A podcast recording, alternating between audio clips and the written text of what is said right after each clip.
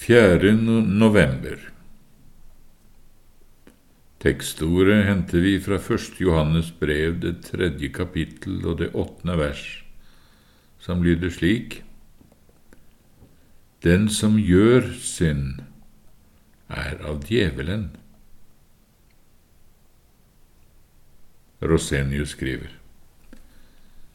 Her skal du legge merke til forskjellen mellom å ha synd og det å gjøre synd. I 1. Johannes 1,8 leser vi at hvis vi sier at vi ikke har synd, bedrar vi oss selv. Og i 1. Johannes 3, 8-9 Den som gjør synd, er av djevelen. Den som er født av Gud, gjør ikke synd. At vi har synd, betyr at synd bor og arbeider i en kristens kjød, at han da også kan overrumples av den i striden og falle, men da med smerte og med kamp. Vi har da synd som en smerte, ja, som den største plage, noe vi gjerne vil bli kvitt, mens derimot å gjøre synd det betyr at det er noe vi aktivt gjør, noe vi bevisst aksepterer.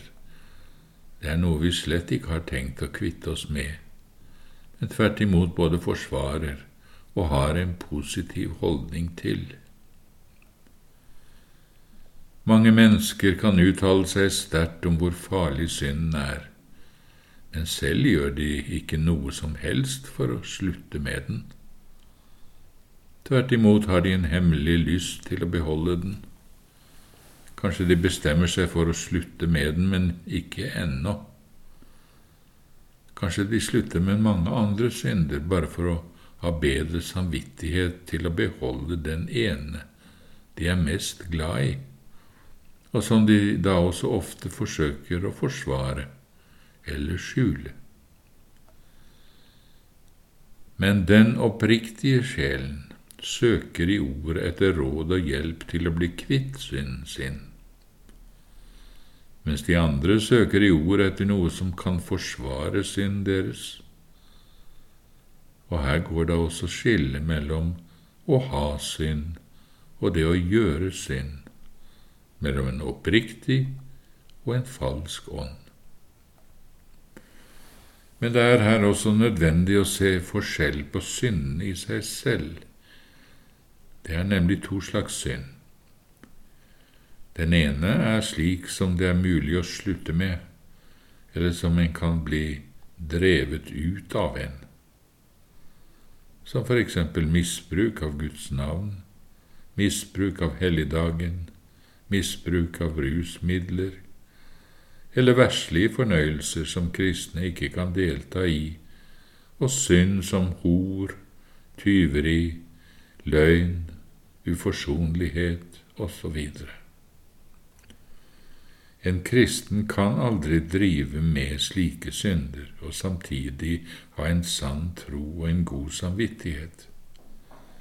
En kristen kan riktignok falle i slik synd, det ser vi også av de helliges historie, men da mister han også samtidig sin faste tro og fred, og den kan da bare gjenopprettes gjennom omvendelse og syndenes forlatelse. Hykleren, derimot, kan fortsette å leve i slike synder, skjule dem eller unnskylde dem og la det bli en vane. Og det er dette som er å gjøre synd. Og den som gjør synd, han er av djevelen. Dette er å leve etter kjødet, men dersom dere lever etter kjødet, skal dere dø. Og det er slike synder apostelen omtaler når han sier at de som gjør slikt, skal ikke arve Guds rike. Det andre slag av synder er dem vi bærer med oss i selve kjødet, som frø og røtter til alt ondt.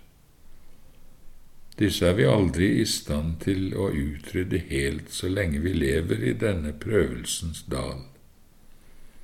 For når disse er totalt utslettet, da trenger vi ikke å våke og kjempe lenger, noe som jo ikke skjer før vi ligger i graven.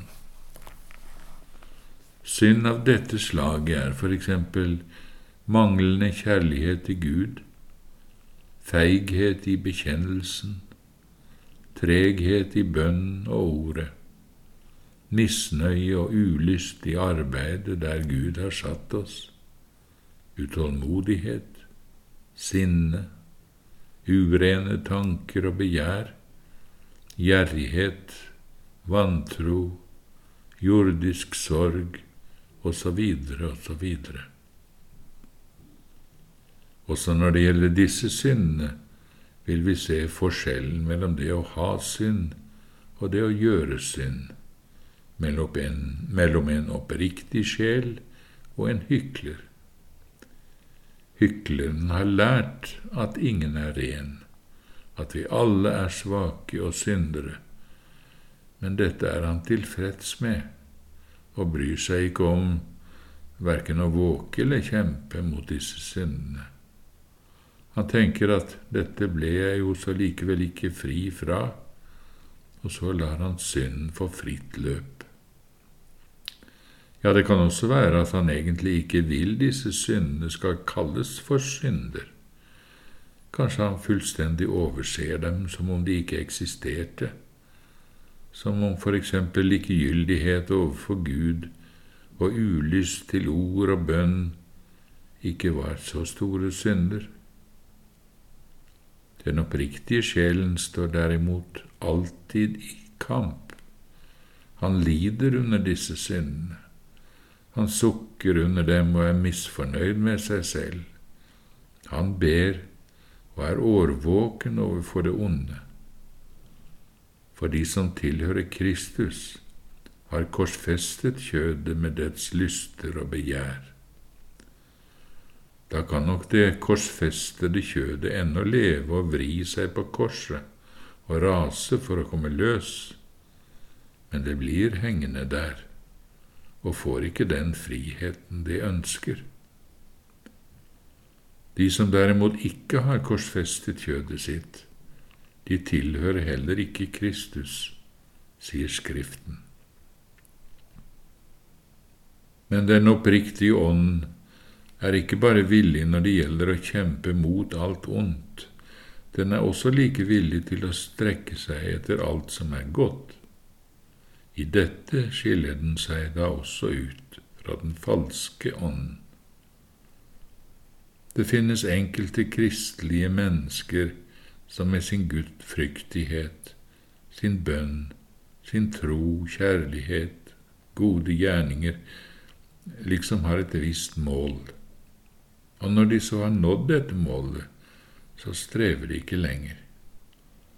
De bekymrer seg ikke med å vokse i nåden, men synes alt er greit bare de kan opprettholde det målet de selv har satt seg.